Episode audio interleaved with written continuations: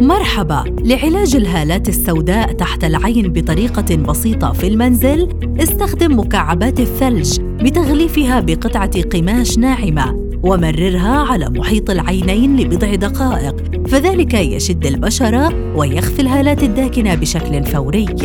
استخدم بشر حبة بطاطا وثم ضعها على دائرتين قطنيتين تطبقان على الهالات الداكنة لمدة ربع ساعة فذلك يخفف من حدة الهالات الداكنة وتبيض البشرة. ضع أكياس الشاي المستعملة في البراد لمدة عشرة دقائق ثم ضعها لمدة ربع ساعة على العينين فالشاي يساعد على إزالة الاحتقان من منطقة محيط العينين بالإضافة إلى إنعاشها. وأخيراً قم بتقطيع خيارة على شكل دوائر. وضعها لمدة ساعة في الثلاجة.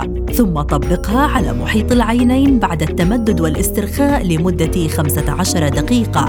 فالخيار له مفعول سحري في إخفاء الهالات الداكنة وإبراز إشراق العينين. إلى اللقاء في وصفة علاجية جديدة.